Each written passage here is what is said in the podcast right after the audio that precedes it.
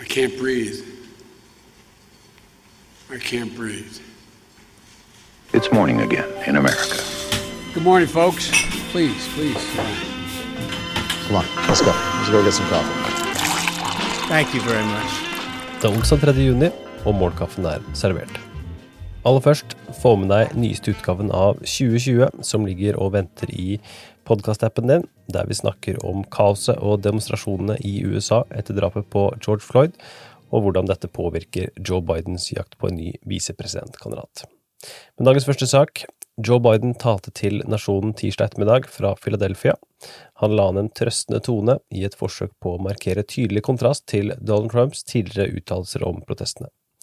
Biden kom også med svært skarp kritikk av Trump, og sa blant annet at Trump framstår mer opptatt av makt enn av prinsipper, og at han ikke er interessert i å gjøre jobben han er satt til.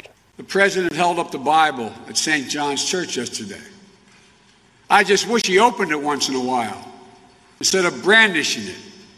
If he opened it, he could have learned something. They're all called to love one another as we love ourselves. It's really hard work, but it's the work of America.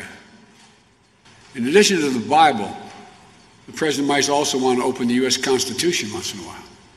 If he did, he'd find a thing called the First Amendment. Dagens andre sak.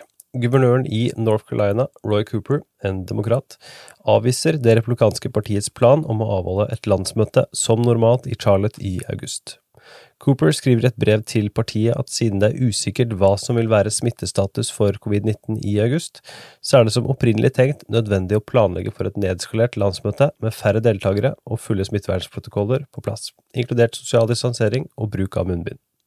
President Trump skal imidlertid ha ønsket seg å gå videre med et normalt landsmøte med opp mot 50 000 deltakere. Det republikanske partiet skal allerede være i ferd med å se på mulighetene for å legge landsmøtet til en annen delstat, kanskje Florida. Dagens tredje sak. Det kan ta nesten ti år før USAs økonomi er tilbake der den var før koronapandemien. CBO, det nøytrale direktoratet som støtter Kongressens budsjettarbeid, har justert ned sine projeksjoner for brutto nasjonalprodukt i perioden 2020 til 2030 med 7,9 billioner dollar i forhold til forrige beregning i januar. Helt til slutt, etter en måned med mange utfordringer, både knyttet til koronapandemien og protester etter drapet på George Floyd, så har Donald Trump trøbbel på målingene. På 538s snitt over popularitetsmålinger så er det særlig antallet velgere som er aktivt misfornøyd med presidenten som stiger, men det er også en liten nedgang i antall velgere som er aktivt fornøyd. Per i dag er 42,7% av velgere fornøyd, vil si de vender tommelen opp, mens 54% er misfornøyd.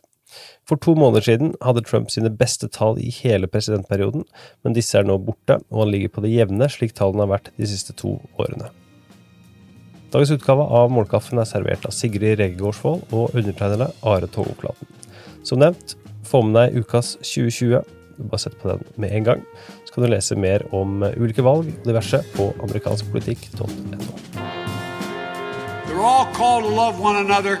As we love ourselves. It's really hard work, but it's the work of America. Donald Trump isn't interested in doing that work. Instead, he's preening and sweeping away all the guardrails that have long protected our democracy, guardrails that have helped make possible this nation's path to a more perfect union, a union that constantly requires reform and rededication.